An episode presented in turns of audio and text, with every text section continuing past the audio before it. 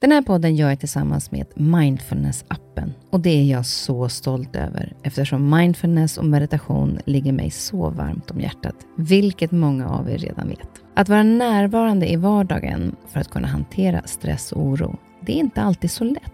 Då kan man ha mindfulness-appen nära till hands för att hjälpa dig när du behöver. För mig kan det vara så till exempel när det gäller sömnen, att vissa dagar då har jag riktigt svårt att komma till ro. Framför allt när det är mycket med jobbet. Då brukar jag använda mindfulness-appen och avsluta dagen med en avslappningsövning för att sänka stressnivån.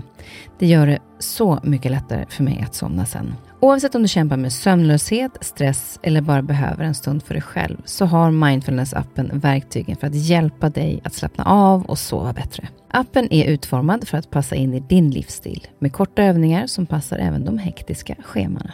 Som lyssnare till Nyfiken på så får ni 40% rabatt på prenumerationen av Mindfulness-appen. Länk till erbjudandet ja, det hittar ni i poddens Instagram, kaspersen nyfikenpa. Eller så går ni in på themindfulnessapp.com kristin. Välkomna till min podd Nyfiken på. Här får jag chansen att möta människor som jag är nyfiken på utifrån deras historia, kunskap och erfarenheter. Människor som jag inspireras av och förhoppningsvis kan vi med det inspirera er. Tack för att du är med och lyssnar.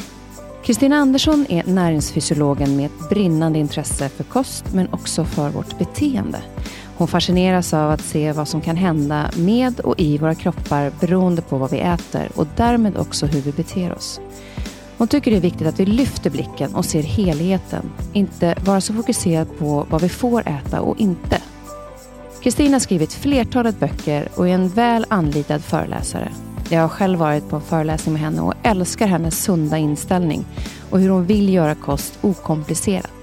Jag är nyfiken på varför kroppen är så triggat av socker och vad sockret gör med oss.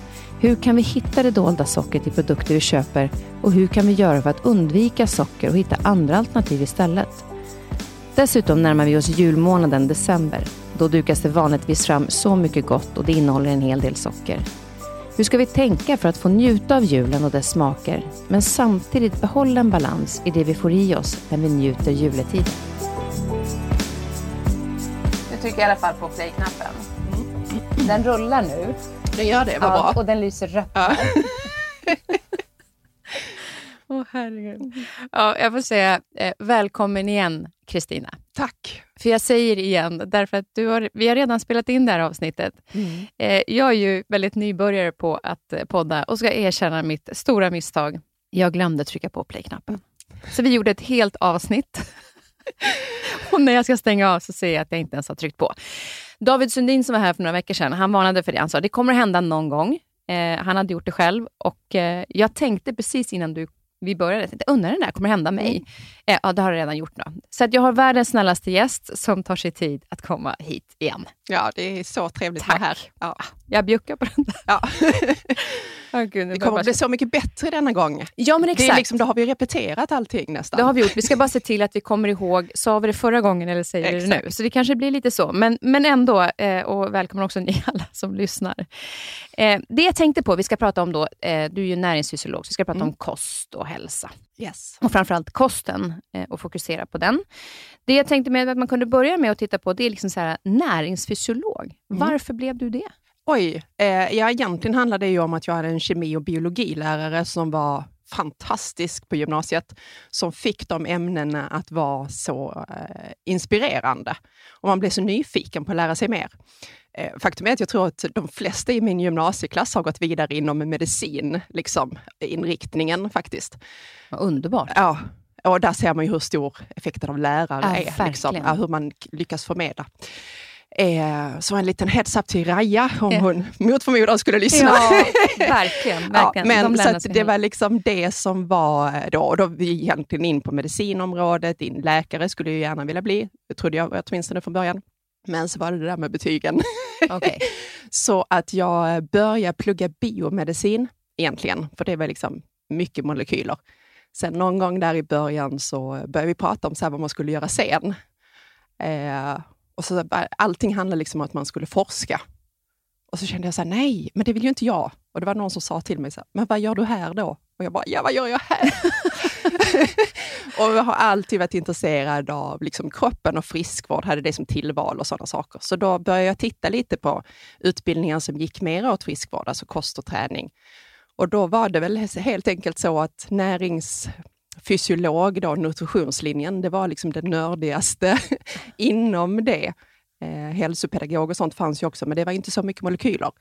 Och det var det liksom, du ville grotta in det Ja, men in exakt. Alltså, i hur funkar det egentligen på molekylnivå i kroppen? Plus att då kunde jag ju tillgodoräkna det jag hade, liksom, mycket av det jag hade läst. Och du har fortsatt att uh, nörda dig in i, i kroppen. Ja. Men om man tittar, vad är, vad är skillnaden? För det finns ju också kostrådgivare till exempel Ja. och näringsfysiolog. Vad är skillnaden mellan dem till exempel? Jag menar, en kostrådgivare och näringsfysiolog är ju jättestor skillnad. Vi eh, näringsfysiologer eller nutritionist är ju samma sak. Eh, Det är ju en universitetsutbildning. Det är, ja, man kan väl hoppa av efter, eller hoppa av, men ta en kandidat efter tre år. Men de flesta tar ju en magister på fyra år. Eh, Så det är ju liksom grunden. Mycket molekyler Hur först. många år har du då läst? Alltså näringsfysiologi, alltså det är ju fyra år. Sen Totalt. har jag ju liksom inte slutat. Nej. Nej. Okej. Mm. För sen måste man ju läsa lite beteende och sen måste man ju läsa lite om ätstörningar och sen måste man ju, liksom, måste. Men det är ju För det. Man blir nyfiken på Exakt, ännu mer. man vill läsa mer. Jag har nyligen läst en eh, fördjupningskurs för oss nutritionister om idrottsnutrition till exempel, så att man hela tiden håller sig så här. Just det. Och, men kostrådgivare är ju bra i sig själva i det de Ja, men gör exakt. i sitt yrke. Ja, för kostrådgivare, det är ju ofta, eller det är ju privata utbildningar, brukar ligga motsvarande 10 dagars utbildning. Eh, man brukar prata kring 200 timmar lärarlätt, eller så här, eller det blir det ju inte, men 200 timmar ungefär. Liksom. Eh, så det är ju ljusårs skillnad i hur djupt man går. Men precis som du säger, det handlar ju inte om att vara bättre eller sämre, utan det är olika liksom, djup i kunskapen. Eh, vill du ha hjälp med att äta bättre och få till eh, liksom, eh, bättre vanor, så finns massor av kostrådgivare som är grymma och kan hjälpa dig med det. Mm. Däremot så kanske lite djupare kunskap, då, då ja, Då är det näringsfysiologin som man måste gå in på exakt. den. Men då har vi i alla fall vad som är skillnad mellan, mellan dem. Jag tänkte att vi skulle börja med att liksom ta lite liksom, övergripande, därför att eh, vi kommer att komma in på det här med socker mm. eh, och eh, också att vi närmar oss julen, Mm. där det är en hel del socker. För socker kan ju vara lite bökigt för, för väldigt många. Även, även jag, när jag blir trött. ja, Alltså det jag. blir ju, alltså socker, ja precis. Så vi- det, det är ett spännande Mm. ämne tycker jag. Men för att få liksom lite mer generellt tänk kring vad vi äter, så tänkte jag att vi skulle börja med det. Och Jag vet att du pratar mycket om det här med att man ska liksom ha en balans, för vi känner varandra sedan tidigare och eh, jag har varit på föreläsningar med dig, vi har varit på träningsresor tillsammans och jobbat. Och Jag älskar ditt sätt att tänka liksom det övergripande och att man ser helheten på ett annat sätt och inte, inte gör det så komplicerat. Vad tycker du är viktigast att tänka på när det gäller mat och kost? Eh, oj, det är en jättestor fråga. Eh, Som en så här som övergripande tänk. övergripande tänk. Ja, övergripande tänk. Ja, men det är ju egentligen grundläggande. Det är ju så här, vem är jag? Vad behöver jag? Och att vi är olika där. Så att vi inte bara... Eh, det, det, det pratas ju så oerhört mycket om kost idag. Och det är så oerhört svårt egentligen att prata allmänt om kost eftersom att det är så många individuella mottagare. En del behöver skärpa till sig, en del behöver slappna av. Mm. och det är så svårt att eh, liksom, eh, rikta informationen rätt, så att säga. Och Det är bra att du säger det, för när vi pratar om det här idag så kan det ju vara... Alla är ju olika som tar emot den här informationen och är på olika plats. Exakt. Så att, är liksom, därför så vill vi ändå... Så här, vi pratar väldigt generellt nu idag Ja. Och eh, kanske gå in i några exempel, men, men annars väldigt generellt. Ja, och jag skulle vilja säga att min utgångspunkt när jag pratar hälsa, då tänker jag, och kost framförallt då, hälsa för mig är egentligen mycket, mycket större än bara maten. Men eftersom att vi nu pratar om maten och då är mitt perspektiv på hälsosam mat, det är den maten som ger oss näringen, som ger oss det vi behöver. Sen har vi ju det andra med ett hälsosamt ätbeteende som kan handla om andra saker, till exempel att det inte blir att man inte får ångest av att äta till exempel, eller att maten styr en för mycket. Då kvittar det hur perfekt det är som ligger på tallriken, för att då är det den här, vad ska jag säga, den liksom åt det ätstörda hållet som blir problemet och blir ohälsan i det. Så då, Då är det ser mer man det inte. tanken egentligen Exakt. än vad det är som Ja, är och tallriken. beteendet, kring det snarare än vad som ligger på tallriken. Mm. Men om vi pratar om vad som är hälsosamt i form av näringsrik, alltså det perspektivet ja, på det. Det gör vi. Mm. Ja. Och sen kommer det så här, hur viktigt är det att tänka på det? Ja, det beror på vem du är. Ja, exakt. Och det, det där kommer, det blir liksom. ju en liten fälla ibland när man pratar på det här sättet. exakt. Att, men, men vi hoppas på att ni är med oss och eh, skulle det vara någonting så får ni såklart höra av er om ni tycker att någonting låter jättekonstigt. Men, men i generellt perspektiv, så vad är viktigt då näringsmässigt när du tänker mat? Ja, men vi har en massa näringsämnen vi ska få i oss. Det vet vi. och vi måste få i oss energi, tillräckligt mycket. Inte för lite, det är skadligt, och inte för mycket, det är skadligt.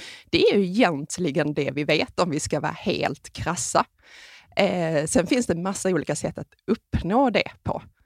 Jag tycker ju att den absolut enklaste liksom förhållningsregeln att ha med sig, det är ju att om vi väljer rena råvaror i så stor utsträckning som möjligt, då bockar vi liksom automatiskt av att vi får näringsrik mat, för det är ju där näringen finns.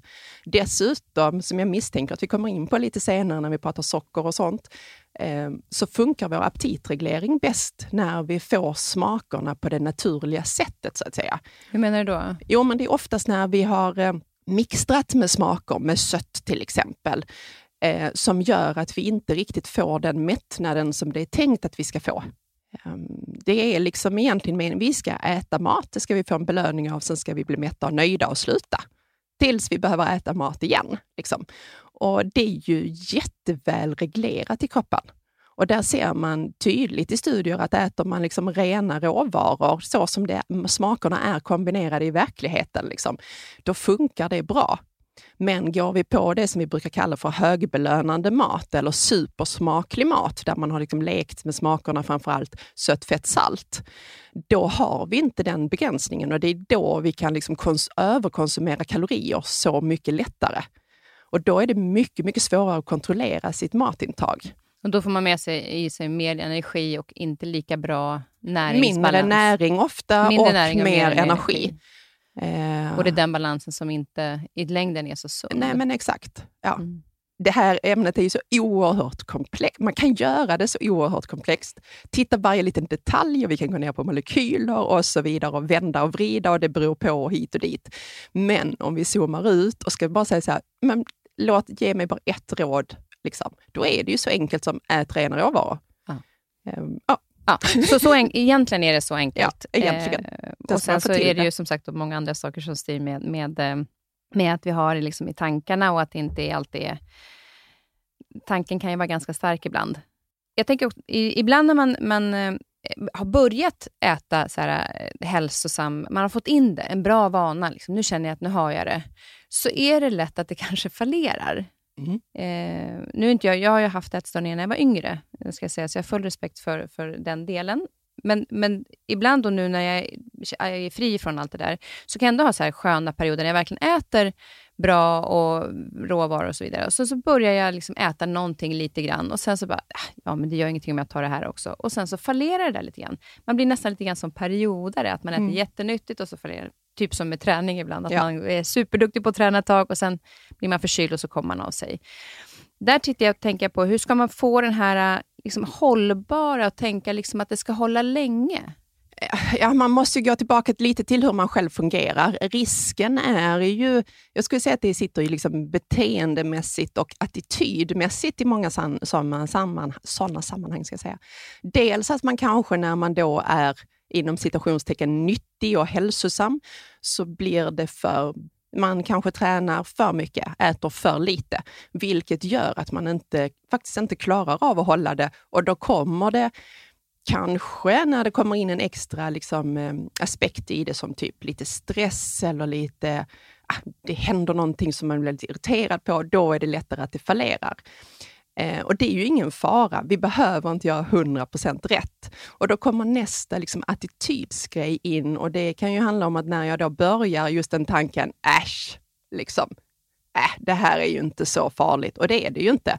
Men då är det attityden och inställningen till mitt eh, om man ska uttrycka det som ett snedsteg, det vill jag egentligen inte göra, men eh, jag tror ni förstår då. Mm. Eh, inställningen till det som egentligen gör, vad händer sen?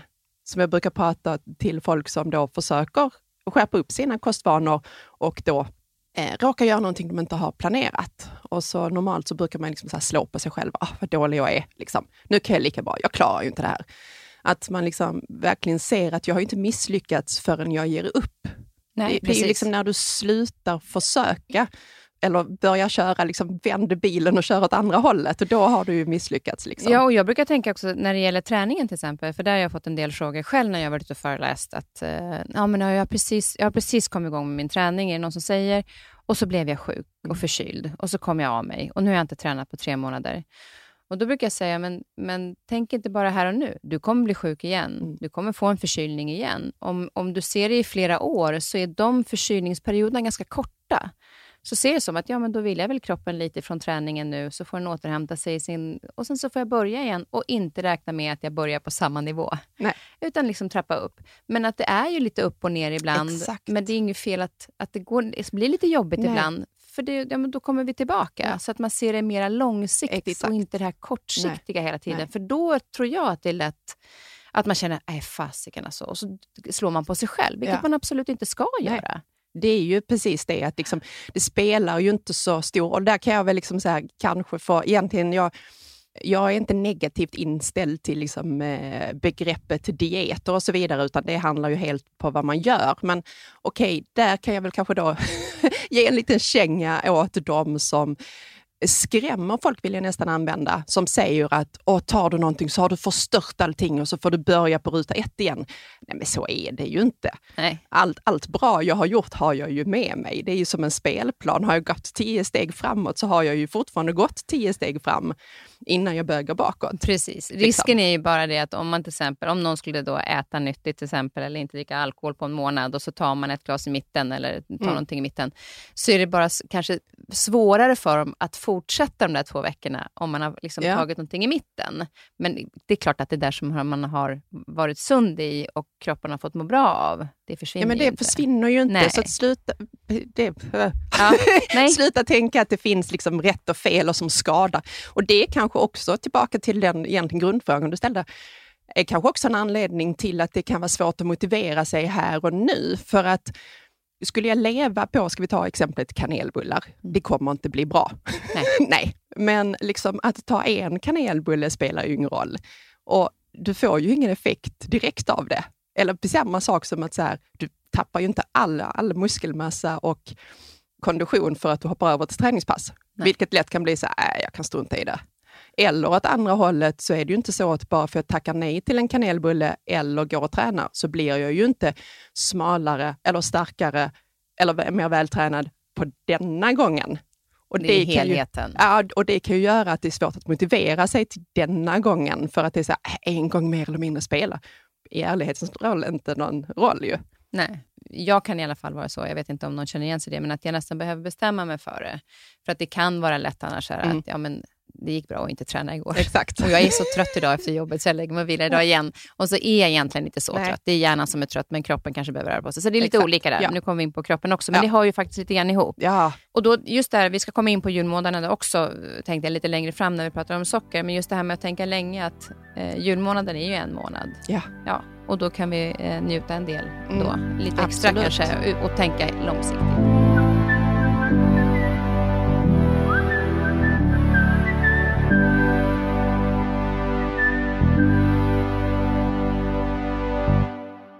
Då kommer vi till det här med sockret. Mm. Eh, och jag gick ut också på Instagram då inför det här och ställde lite frågor som jag kommer tillbaka till. Men vi kan börja prata om vad, vad socker, bra eller dåligt? Alltså jag vet inte vad man ska säga. Vi behöver ju socker på ett visst sätt, men eh, varför är socker inte bra men om vi börjar, alltså, och det där är egentligen vårt klassiska, att vi vill gärna facka in saker i bra eller dåligt. Ja, det kanske gör. Ja, och så här, ja, men okej, är det socker bra, giftigt eller ofarligt? och vi kan i ärlighetens namn, med, om vi vill ha forskning och liksom belägg för det, så kan den, vi inte säga att sockermolekylen är giftig eller farlig för oss. så. Det går inte. Däremot så ser man ett kostmönster, alltså när vi tittar på, hel, på hela vårt matintag, så personer som då får i sig stora mängder av tillsatt socker. Och tillsatt socker, det är när man har en produkt och sen har man helt socker i den, helt enkelt. Det vill säga, det har inte Det är inte naturligt förekommande som i frukt. Där finns det ju från början. Det är ju ingen som har hällt i det. Eh, och då ser man att sådana kost, kostmönster ökar risken för vissa sjukdomar, framför allt för övervikt. Och övervikt ökar ju sen risken för cancer till exempel. och sånt. Så att, eh, nej, stora mängder tillsatt socker ska vi inte äta. Men från den informationen ner till att säga så, oh, tacokryddan är farlig för att där innehåller lite socker. Det går inte. Liksom. Det, då är det inte sant längre. Nej. Så själva sockermolekylen... Att, I, i tacokryddan menar du att det är, det är inte så mycket näring Nej, men jag menar, och det är ju inte så mycket. Nej, Hur många precis. gram tacokrydda får du i det? Alltså, ja. vi liksom, det är ju sila mygg och svälja kameler. Vi blir kanske lite lätt fokuserade på som säger, ett specifikt ämne. Mm. Så det är nästan så att vi väljer bort frukt, för att det, och det hör jag folk säga. Nej, men jag ska inte äta mer socker idag, så jag äter ingen frukt. Nej, men exakt. Och hur tänker du kring det? Att det är jättetokigt. Och det är precis som du säger, det är den här eh, detaljfokuset liksom, som vi lätt får. För sockermolekylen är som sagt, den, är inte, den kan vi inte säga är farlig. Och många pratar ju om att det är olika socker i eh, typen, ja vi tar kanelbullen igen, och en frukt. Men det stämmer inte. Det är exakt samma molekyl. Så att det är inte molekylen som avgör om det är bra eller dåligt, utan det är i vilken källa får du det? Vad kommer det paketerat med? För molekylen är inte farlig. Men däremot om vi eh, får det i sånt, och det är ju oftast där det finns, där det kanske inte finns så mycket annan näring. Alltså tittar vi på läsk och godis och kakor och bullar, det är ju inte en massa näringsrika saker i det. Eh, och då är det men det är inte bara sockret som är liksom, problemet. Utan, utan det, är avsaknaden. Det är, det är avsaknaden av näring liksom, som är problemet. Socker är ju liksom stort sett rent socker, alltså typ grunddefinitionen på tumma kalorier. Det bidrar med energi, kalorier, men ingenting annat. Och då kallar vi dem för tumma. Eh, så att istället för att liksom sätta blicken på huruvida någonting innehåller socker eller ej, så vill vi veta så här, vi vill se till att varje tugga ger oss så mycket näring som möjligt, om det är så att vi behöver det. Det är det här jag tycker så mycket om med dig, att, att det, är så, det, är så, det är en sån sund inställning till det. Att det är liksom inga förbud, utan det handlar om helheten och näringen. För det är ju väldigt många som pratar om det här raffinerade sockret, mm. att man ska undvika det. Mm. Och menar du då det, det är ju det här sockret, inte att det är tills... Alltså att man har, har uh, tagit fram det på ett fel sätt, utan det är att du tillsätter det så att det blir för mycket av det på ställen där man inte behöver det? Ja. Alltså är det så, därför skulle, man ska undvika raffinerat Ja, och egentligen är det så här, det kvittar egentligen om det är raffinerat eller ej. Alltså det är också där vi har sett, visst man kan tänka om man tittar på det då vita sockret som vi ofta kallar för det, liksom det raffinerat och så tycker vi så här, men då är råsocker bättre, det här bruna.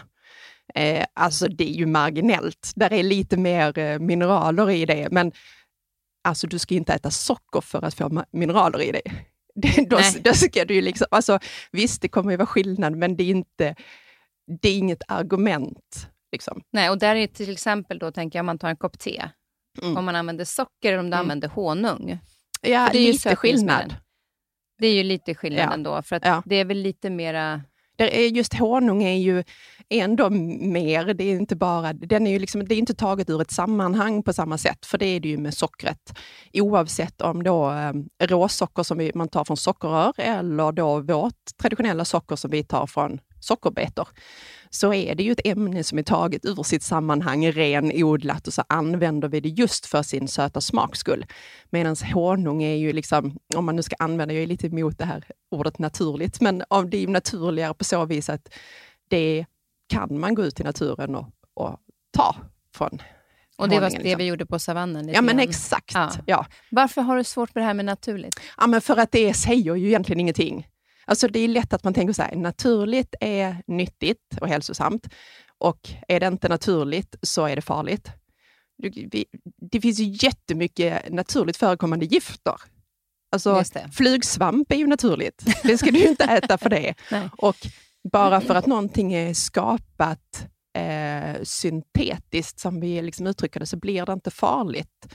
Alltså om vi tittar på en molekyl, så är den vad det är, alltså det ämnet är vad det är, oavsett om man har tagit det ur en växt eller man har satt ihop den själv. För när det väl är, alltså den här molekylen, den och Det är lite, lite grann då egentligen som du pratar om råvaror istället. Mm. Du pratar råvaror, men sen tänker jag också att det finns ju eh, processad mat. Ja, exakt. Eh, och där vet jag att du tänker lite olika med de här två. Vad, vad, hur tänker du kring processad mat? Alltså det är ju även där blir det ju liksom egentligen som en eh, gradering. Liksom. Om vi tänker råvara, det är det du kan gå ut och plocka i naturen, det har vuxit eller levt i naturen och du kan liksom tydligt, man har bara gjort så att det är ätbart. Liksom. Eh, djuret har blivit en köttbit. Eh, bönorna är konserverade eller kokta så att du kan äta dem. Alltså, vi pratar på den nivån, då är det ju fortfarande en råvara. Sen ju mer du gör med den här råvaran innan det blir mat, liksom, då är det då vi pratar om liksom, olika grader av processning. Och egentligen ska jag säga att vi experter, eh, vi slarvar ju lite för vi säger bara processad mat. Om det finns faktiskt en gradering kring det här och det som man ser är det liksom som vi ska inte äta för mycket av. Det är ju det som man kallar för den ultraprocessade maten. Och vilken mat är det? Om du tänker på en ingredienslista, så står där då bara liksom själva ingredienser och inga råvaror alls.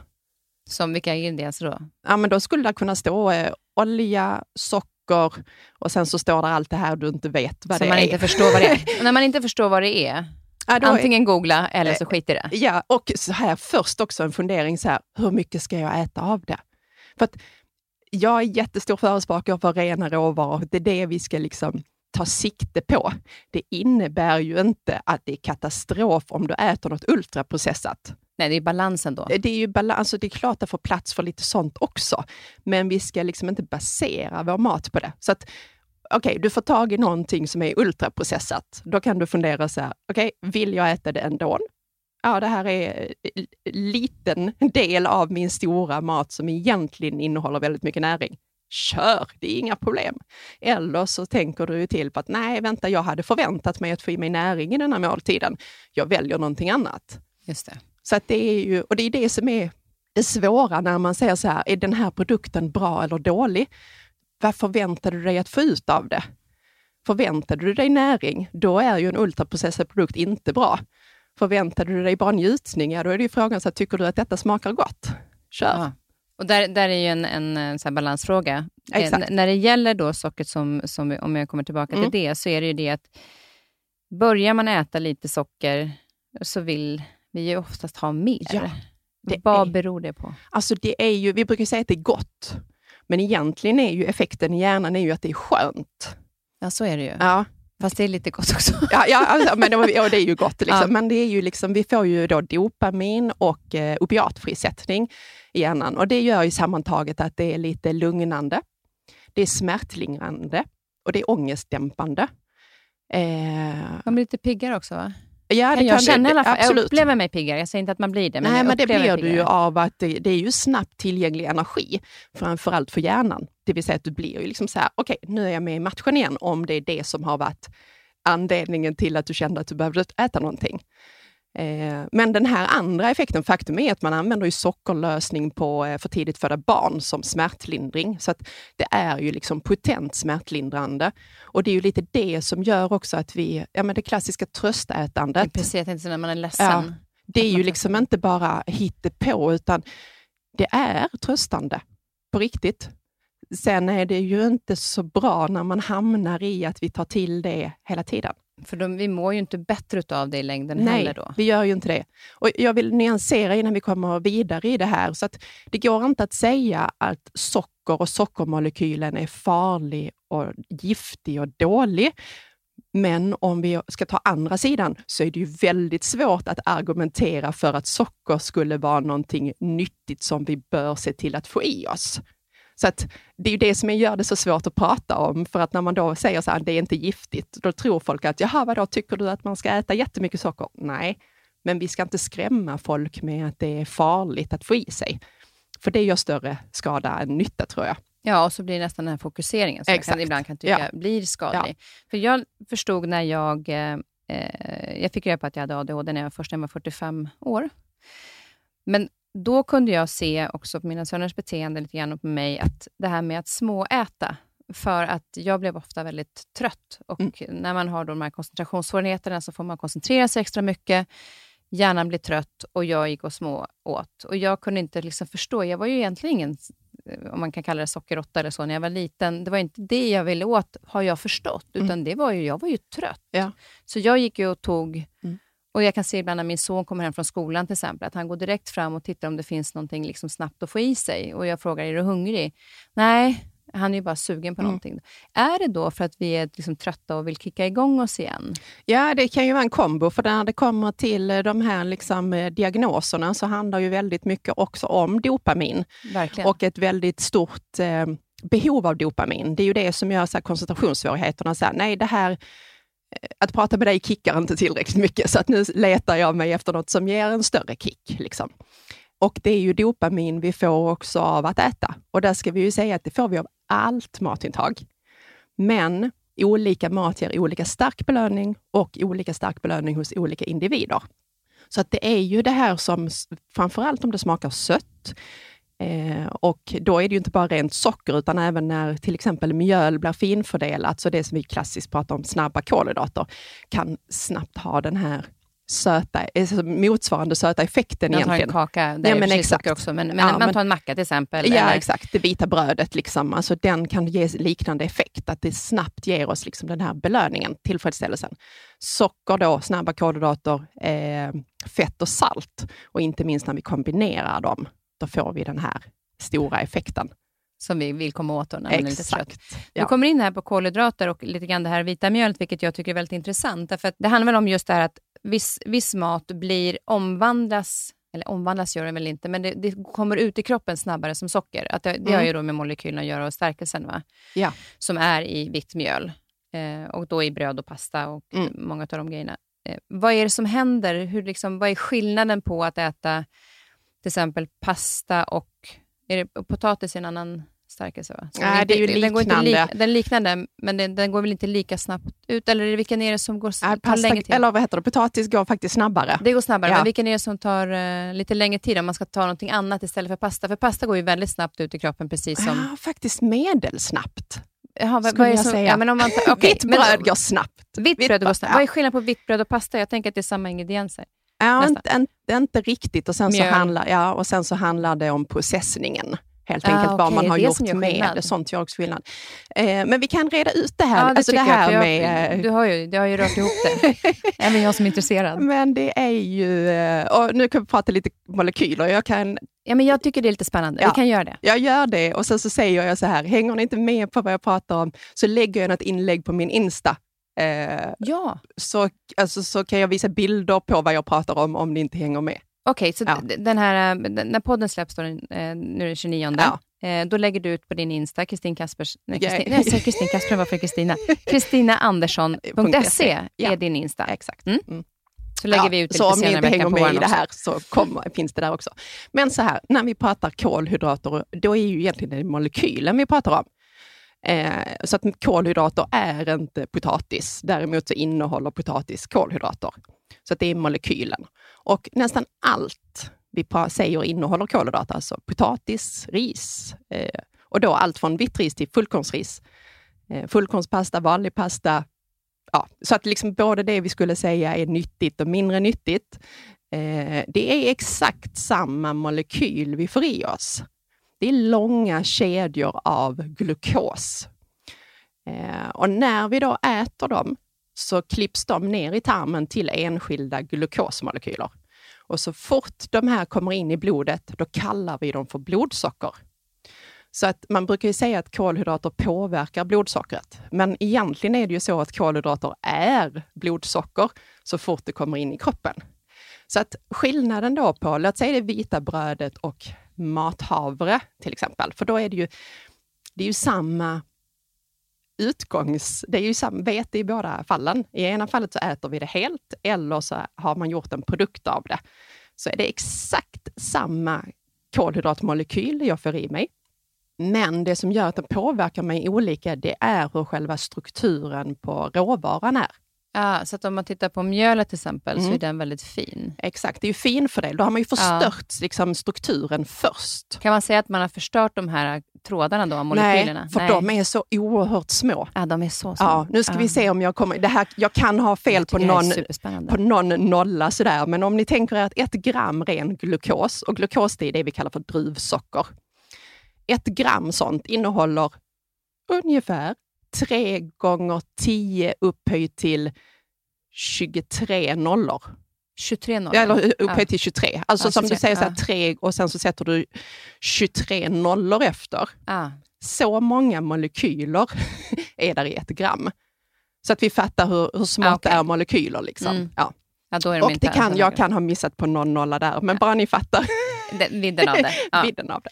Ja. Så det är det som gör då att de här eh, att när det kommer ner i kroppen, om man äter de här molekylerna, oavsett var det kommer ifrån, så uppluckras de då, klipps sönder ja. olika. Ja, eller så här, det tar ju, som du tänker dig, att det är ett fint fördelat mjöl. Då från en mjölkorn ner till den här lilla molekylen, det, är ju, det arbetet är ju inte så stort som att du har en hel kärna som först då ska finfördelas till ett mjöl för att sen kunna bli en molekyl. Så att det är egentligen det arbetet som är det relevanta när vi pratar snabbt och långsamt. Och Vad betyder det arbetet för kroppen? Ja, det är ju positivt. Ja, alltså att på vilket sätt då? bryta ner det, att få jobba lite. Att kroppen jobbar lite? ja, exakt. Och då förbränner, alltså den, den jobbar med maten? Ja, och det handlar inte om förbränning. Utan Nej, inte handlar, förbränning, utan exakt. den jobbar ner maten? Ja, exakt. Och det handlar ju egentligen om att då blir blodsockersvaret jämnare och eh, dessutom så ser vi effekter på så här att det det mättar bättre, för då är det också mer fiber och sådana saker. Mm. Så att, men egentligen essensen i det här, det är ju att det är ju exakt samma molekyl, om vi pratar vitt bröd eller något då som vi pratar är liksom nyttigare. Och samma sak om jag pratar eh, godis, läsk eller frukt. Det är alltså inte en annan molekyl, utan det handlar återigen, vad kommer, hur kommer det paketerat? I läsken och godiset är det bara sockermolekylen, medan i frukten så kommer det tillsammans med vitaminer, mineraler, antioxidanter och fiber. Så det är ju inte molekylen som avgör om det är bra eller dåligt, för då är alla same same, utan det är ju liksom i vilken form äter du det. Och kan det också vara mängden, alltså hur koncentrerat det är? Ja, absolut. Ja. Eh, av, ja. För att mm. vissa saker innehåller ju såklart kanske mer utav den här molekylen, alltså mer socker. Alltså vissa som inte ligger någonting runt omkring. Nej, alltså om du dricker läsk till exempel, ja. det är inte så mycket mer. Nej, det är ju inget annat. Det är Nej. ju typ bara Nej, i princip ja. socker ja. Eh, utblandat. Ja. Medan då, som du säger, i frukt så har man då fibrer och alla de här andra exakt. sakerna som hjälper till. Ja, det är ju otroligt spännande. Eller? Och då är det så intressant att vi har hängt upp oss på de här molekylerna och detaljerna istället för att titta på för vad det, är, det som faktiskt är relevant för folk. Det är ju att veta vad ska jag lägga på tallriken? Exakt. och det är ju själva maten och inte de här detaljerna. Nej, så om man till exempel också kommer hem och är hungrig så är det bättre att kanske ta en frukt än att ta en, en liten kaka.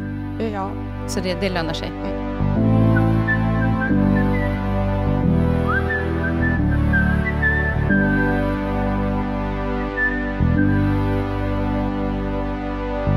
När det gäller då den här, nu ska jag ta fram eh, de, jag ställer frågor då på, på jag, har, brukar alltid ha en lyssnarfråga, ja. men jag tänkte att jag frågar istället mina härliga följare mm. lite grann om eh, det här med socker.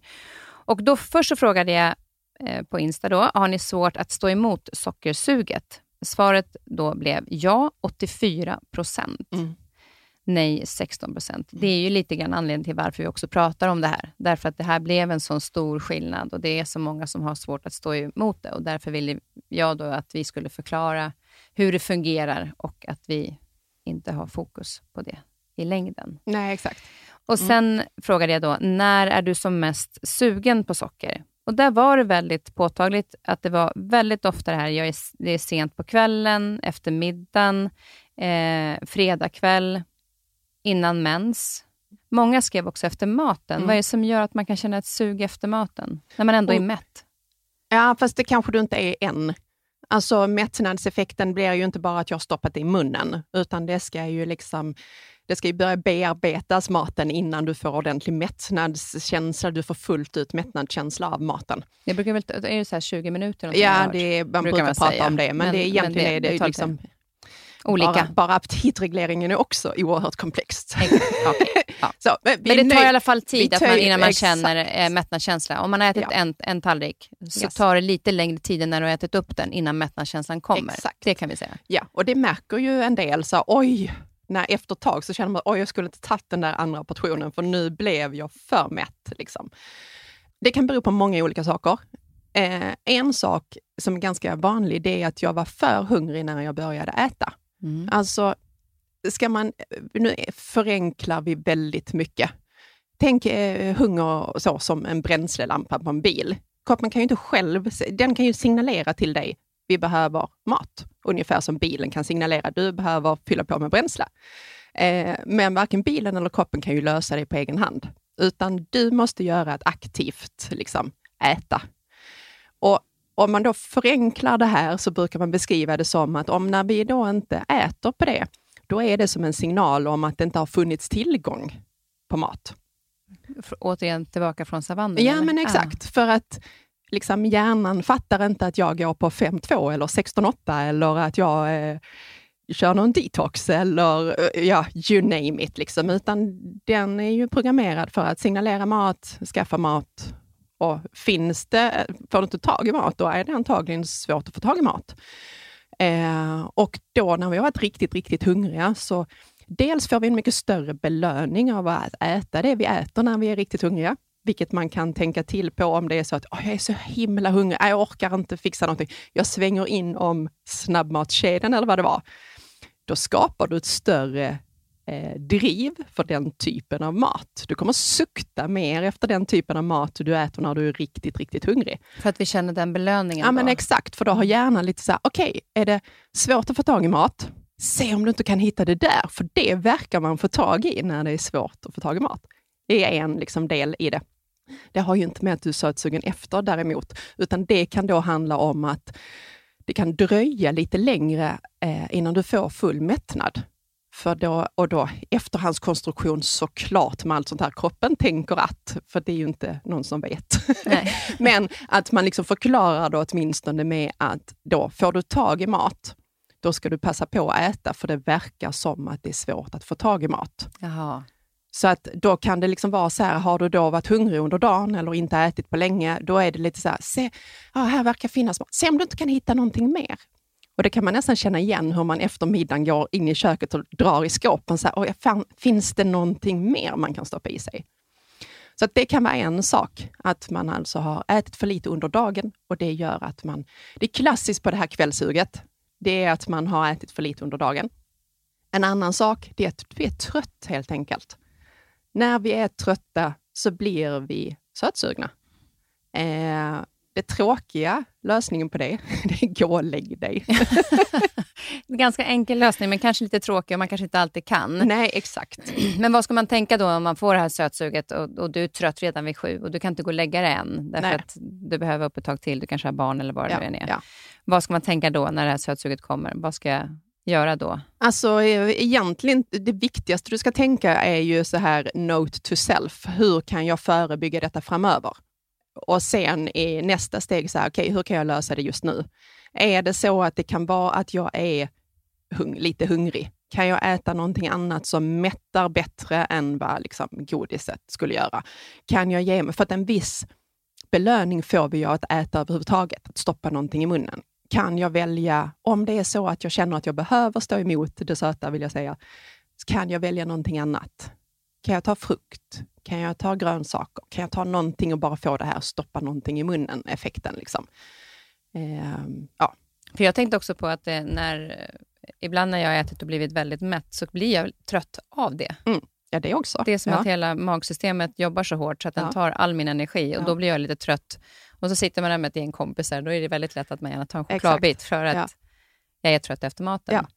Och Det är också helt fullt logiskt. Vi ska ju antagligen sova när vi har jagat tag i maten. Ja, just det. Det, är så, det är så coolt tycker jag, att det här med hjärnan och savannen. Att Exakt. det finns så många beteenden. Och lite grann nu när du pratade om kring det här att man skulle tänka efter, så här, varför känner jag som jag gör nu när jag är sötsugen? Har jag ätit för lite? Att mm. vara lite så här, sin egen detektiv och bara mm. känna så här, hur fungerar jag? Exakt. Varför händer det här nu? Och, och lär, för man lär sig väldigt mycket om sig själv. Ja. Just det att vi alla är olika också mm. och lever på olika mm. sätt och vi jobbar på olika mm. sätt. Eh, så det, det, var väldigt mycket just det här kring maten och kvällen. Eh, tufft på jobbet. Någon också skrev det här med när jag känner mig ledsen. Mm. Och det var vi ju inne på. Och det är vi ju inne på. Och det med tufft dag på jobbet, det är ju liksom en annan aspekt i det. Det är ju det här, och det gissar att du pratar med Anna när ni pratar psykologi och hjärnan och beteenden och sådana saker om de här olika systemen där vi tar de liksom mer automatiska besluten och handlingar som bara går på automatik och sen så har vi mer det här där vi behöver använda för att tänka i stort sett. Eh, och det här liksom systemet som vi använder, om vi nu trycker det som system, vi använder för att tänka lite, har vi använt det hela dagen? Den, är, den går liksom inte att maxa till 100 procent, utan där blir vi trötta. Och då går vi mer på de här enkla och de har kortaste vägen till belöning. Så att när du har jobbat hela dagen, då är du för mentalt trött för egentligen för att ta kloka matbeslut. För du kommer alltid vilja ha det som ger den starkaste belöningen. Så det kan man ju också ta, det handlar inte bara om sött, utan det handlar ju om andra saker också. Tenderar jag att liksom säga, men jag tycker att det går bra under dagen, sen har jag liksom inte ork till att ta bra beslut på kvällen. Det är inte alls konstigt. Så lämna då inte matbeslut så att det är en trött hjärna som gör dina matbeslut. Det är ju jättedumt. Ja, det är som att gå och handla eh, ja, i mataffären då. Jag gör ju så dåliga beslut när jag är ja. trött och hungrig. Och så kommer man hem och så undrar man så här, ah, vad, skulle, vad skulle det bli av detta tro? det är bara goda saker. Ja, och ja. man säger, åh det här är jag sugen på nu. Exakt. Men man får inte ihop någon liksom, balans i kosten efter den, efter den shoppingen. Så det som gör då att det är starkt sug efter socker, det är att vi behöver antingen belöningen eller dopaminet eller mm. någonting som kickar igång oss igen för att vi ska liksom... Ja, och den söta smaken är ju lite intressant för att den signalerar ju egentligen till oss att det här är bra. För det innebär att det är energi i det. Eh, så som hjärnan känner eh, saker, den vet ju liksom inte vad läsk är. Utan den tror ju att är det sött, ja men då är det antagligen honung. Eller så är det fullmogen frukt eller fullmogna bär. Så signalen blir så här, det här är bra. Se om du inte kan leta mer. Och Det är kanske någon som känner igen sig från godisskalen. Man tar en, socker, eller en sockerbit, en godisbit och sen bara, åh, det här var bra, se om du kan hitta mer. Och så fortsätter man äta. Så att, att vi har drivet till sött, det är antagligen en överlevnadsinstinkt. Eh, för det leder oss till saker som är bra. Det finns ingenting i naturen som har en söt smak och som är giftigt. Så det är också liksom som en slags säkerhetssignal.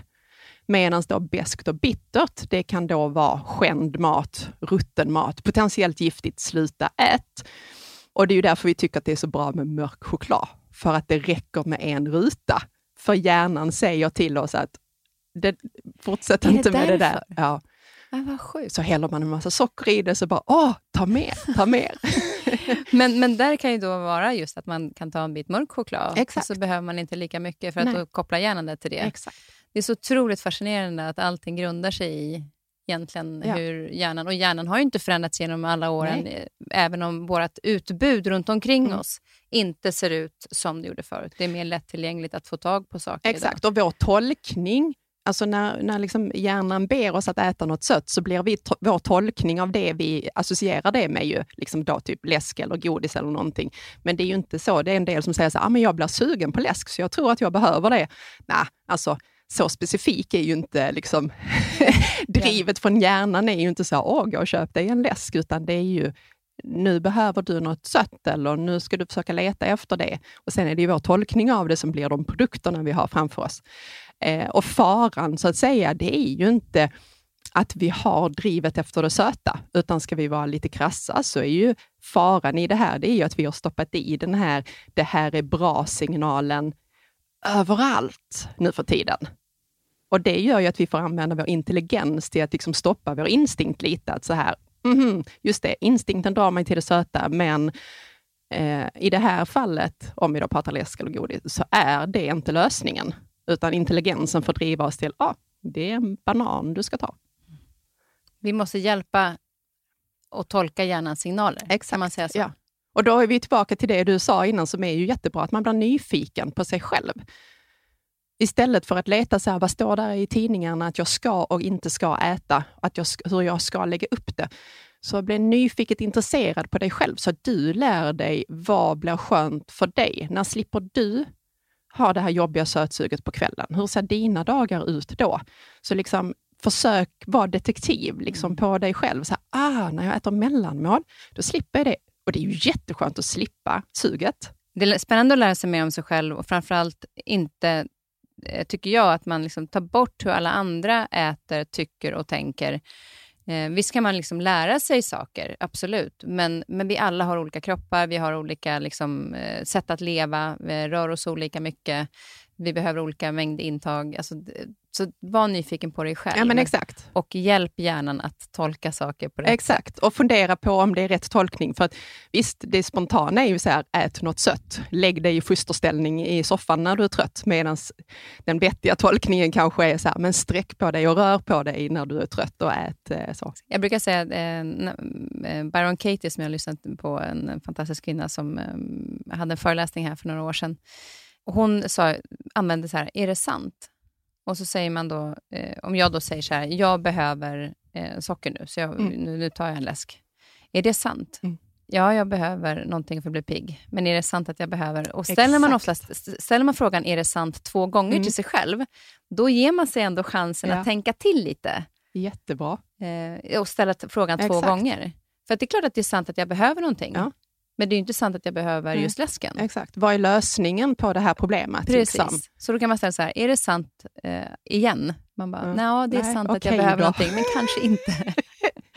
och Jag gillar ju också det som du har fått med, och det är ett ord som jag har snappat upp från dig.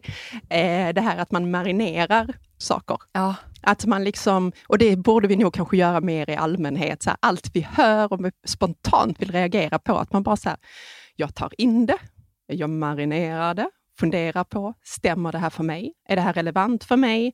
Och sen liksom agera på det. Antingen säga att nej, det där var inte för mig, eller ja, just det, så här kan man ju tänka, eller så här kan jag ju göra. Liksom. Precis. Ja, marinera, den är bra. Mm. Vi får marinera lite mer. Eh, jag tänkte också sen att vi kanske kan... Eh, de här, du har gett några såna här övergripande eh, tips på hur man kan tänka kring liksom bara allmänt kring kosten, det här med, med balansen och råvaror. Jag lägger upp eh, tre tips sen på vårt mm. Instagram, Kaspersen understreck nyfiken pa. Eh, nu kommer vi till det här med julen. Ja.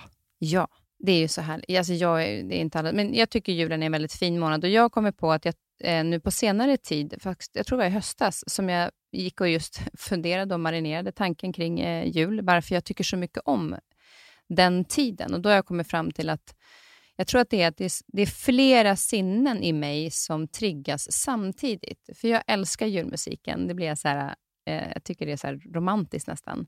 Jag ser väldigt mycket fint runt omkring med all julbelysning och dekorationer runt omkring. Jag känner dofter som, som är specifikt för julen och jag har smaker. Så att det blir så många sinnen som förknippas till det. Därför har jag kommit på att det är därför jag nog tycker så mycket om just hela månaden av julen. Eh, det bjuds ju på mycket smaker och vi tar fram, lagar mycket mat som eh, är specifika smaker just för den här månaden och då vill man ju kanske ibland äta lite extra för att det är just det nu. Nu kan man faktiskt få ta på pepparkakor och pepparkakssmak hela året om man skulle vilja. Men hur ska man tänka inför den här julmånaden? För man vill ju samtidigt njuta av det här, men för att hitta, som du pratar om, balansen i det. Hur tycker du att man ska tänka? Ja, men kanske ett ledord kan vara njutning. Eh, och, det som, och det som, om man tänker så här, ät de pepparkakorna som gör din julmånad så underbar som du beskriver det. Det är ju jättefint ju. Men den tionde samma dag ger kanske varken till eller från. Liksom. Då har det kanske triggat något annat som du ja, men om exakt. Tidigare. Eller så äter vi kanske bara för att det finns. Eh, behöver inte äta skumtomtar för, bara för att det står på bordet. Jag vet, det är lättare sagt än gjort, men att vi liksom även där kanske för vi, vi är ju återigen väldigt lätt att vi vill ha det svart eller vitt. Antingen äter jag eller så äter jag inte. Och att vi liksom mer bestämmer så här, ska jag tillåta mig att äta i jul eller ska jag inte tillåta mig att äta? Ja, eller så kan du korta ner det till, vill jag ha en skumtomte nu? Ja, ah, det vill jag. Okej, okay, jag äter den vill jag ha en skumtomte till? Så att jag liksom har inte slutat tänka bara för att jag sa ja till första, utan att vi liksom kan ha lite mer medvetna val hela tiden. Så när vi också äter den skumtomten så njuter vi av Exakt. den och inte känner efteråt Nej. att jag skulle inte ha tagit den. Nej. Det är kanske risken om man fortsätter att äta. Att det Exakt. var ju fortsatt onödigt att äta tio stycken till. Ja. För den första var ju faktiskt väldigt, väldigt ja, god. Exakt. Så det finns ju så mycket av den här njutningen som vi har runt omkring. Och jag, jag äter ju inte gluten eh, eftersom min mage inte riktigt klarar av det. Så jag har hittat lite olika alternativ, för jag älskar ju fortfarande liksom pepparkakor. Nu finns det också glutenfria pepparkakor, men då tycker jag att eh, då, då gör jag hellre till exempel eh, råfoodbollar. Mm. Och de brukar jag göra till, faktiskt lite olika storlekar, så man kan göra såna här små, så man kan ha det lite mer som, så man kan ta tre stycken mm. eh, istället för att äta en lite större. Den större kanske jag tar som mellanmål. Eh, jag kan lägga ut det receptet på, eh, på vår Instagram sen, som jag brukar göra i alla fall.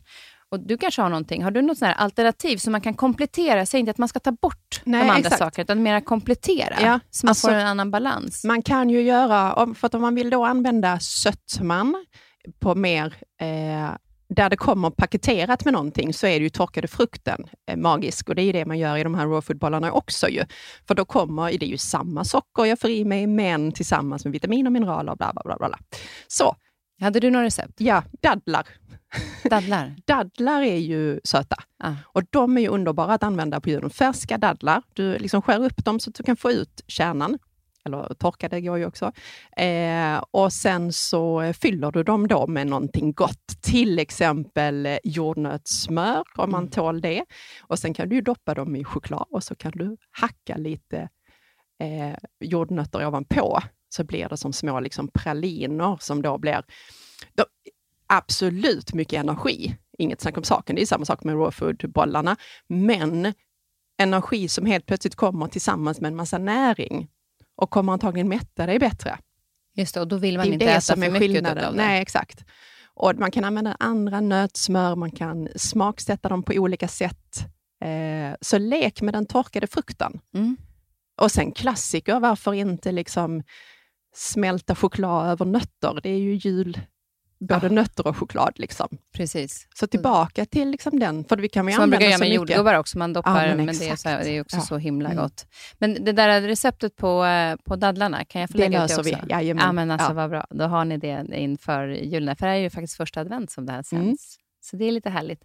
Och Sen tänkte jag på närmare också på julbordet. Mm. Eh, där tycker jag ju att det är självklarhet att man ska ha sina klassiska julbord och sådär. Men jag och syrran det var ett år som, eh, då fortfarande när mamma levde, så sa vi att vi skulle, liksom, vi skulle hjälpa till. Eh, för annars var det hon som stod och gjorde mm. allt.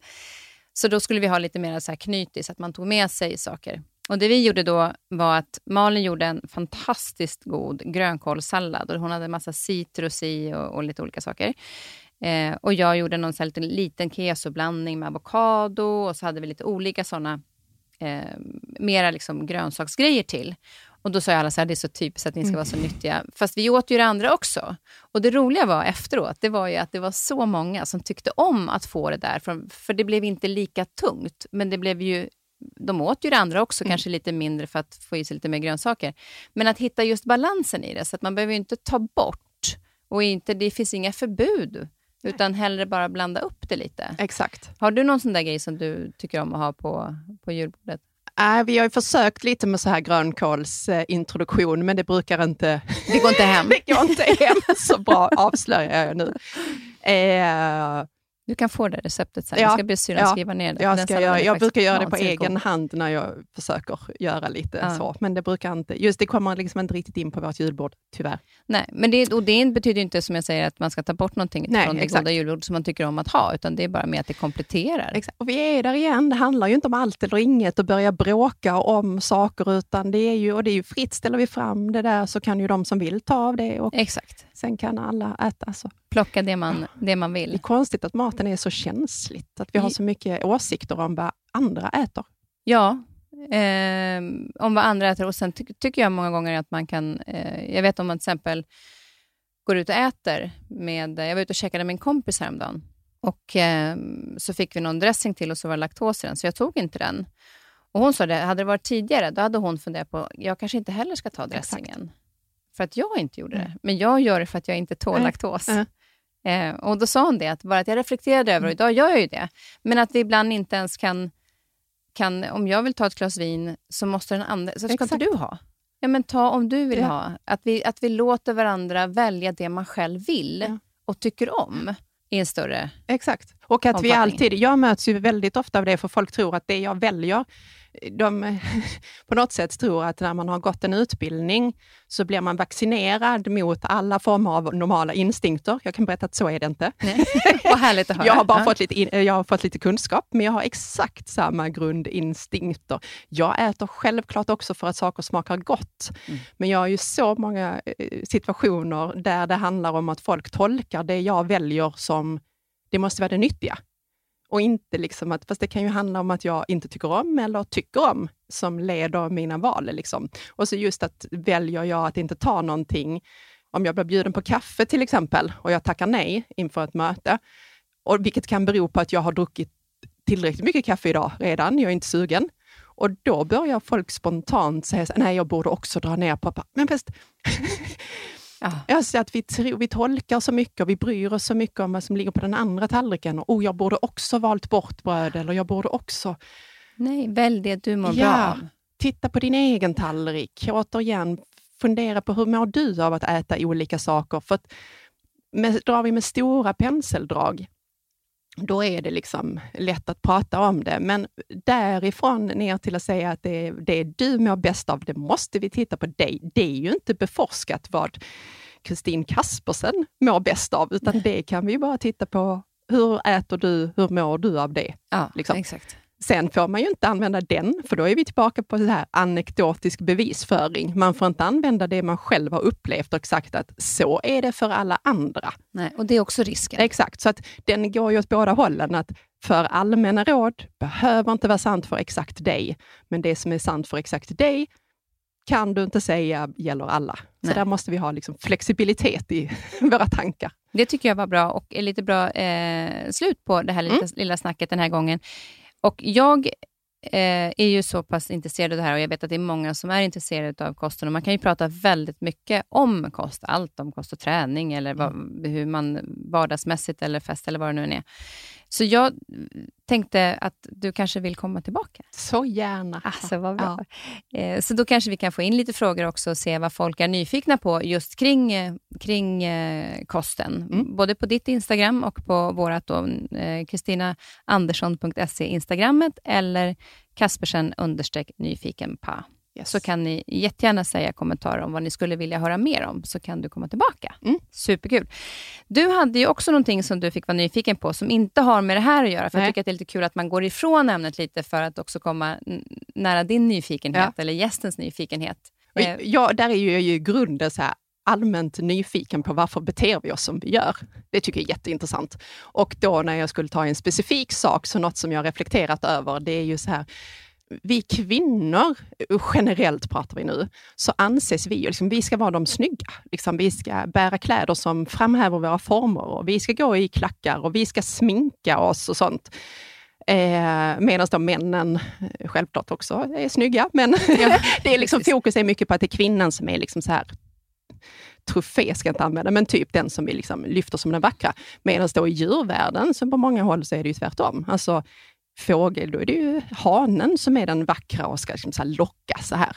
Och sen bland oss människor så är det vi kvinnor. Så. Ja, precis. Varför och det är vi var, det? Ja, och det var väldigt spännande. Det här är så kul, för då får man gå ut och leta information mm. eh, lite överallt. Och eh, Dels hittade jag på tekniska museet.se, där är källan för det här med att varför vi sminkar oss. Mm.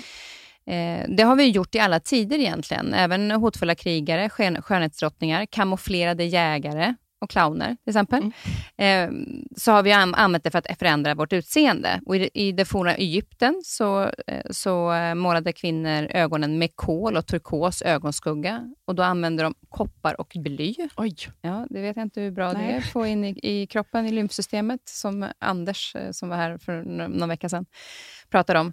Under 1800-talet så ansågs sminket oanständigt, så det har ju gått lite i perioder, men vid 1900-talets början så fick Hollywoods eh, filmstjärnor allt fler att börja sminka sig. Det var till och med någon som eh, gjorde, blandade vaselin och kol då. Det var där någonstans det började till sin lilla syster för ögonfransarna. Mm. 1915 var det. Men när det gäller då, om man tittar på skönhetsideal, för det var det jag sökte på, vad är det som gör kvinn, kvinnlig skönhetsideal, så kan man gå tillbaka jättelångt i tiden, för man har då tittat på konst och statyer framför allt, och hur kvinnorna har framhävts på det sättet.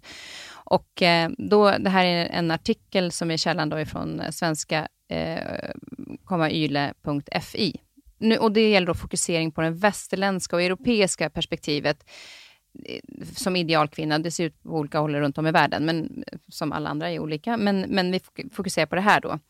De har till och med hittat en, en uh, staty från 29 000 år före vår tideräkning började. Mm. Och då kallar man det en så kallad idol. Oj. Eftersom de organ på det här ändå, eh, förknippas med reproduktion har framhävts, det är då vulvan, antas det att hon är en fertilitetssymbol av något slag.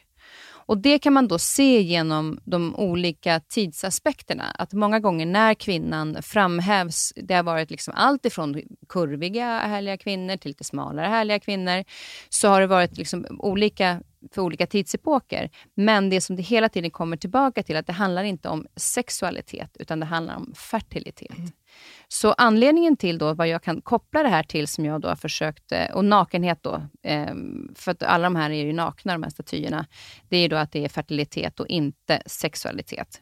Och det är också en, eh, Jungfru Marias kroppslighet var ju då en symbol för livets början under medeltiden. Så man kan komma tillbaka till det hela tiden. Så när vi, anledningen till att vi ska gå runt och vara snygga och eh, vackra, det är för att männen ska dras till oss så mm. vi kan få bli på smällen helt enkelt. Det är rätt coolt det ändå att det finns ja. liksom sådana olika förklaringar på, på våra funderingar, precis som med hjärnan ja. som hela tiden kommer tillbaka till savannen. Ja, och, och det är ju egentligen samma sak, att ja, vi är tillbaka precis. till det mest basic. Liksom. Och så var det väl också då kanske i djurvärlden, mm. att, att kvinnorna exakt. förstod att det är männen vi ska dra oss till för att vi ska mm. kunna bli, fast det var bara motsatta hållet. Ja, det är det. Att där är det motsatt. Där är männen som ska försöka säga, åh, se mig, se mig. Ja, exakt. Ja, där, där är det lite olika. Mm. Men, men någonstans är det då fertiliteten mm. som, det, som det grundar sig i. Ja, det är intressant. Eh, spännande. Mm. Då eh, börjar vi närma oss slutet för idag. Ja. Fasiken vad härligt, eller idag, ja, för andra gången då. Ja. Eftersom... det är glömt nu. Ja, precis. Ja. Eh, men playknappen har varit på. Den tickar fortfarande. Så eh, jag säger tusen tack för idag och välkommen tillbaka igen. Eh, tack så mycket. Så pratar vi eh, mer kost. Mm. Eh, tack snälla Kristin. Och ha nu en fin jul. Tack detsamma. Den här podcasten är producerad av Perfect Day Media.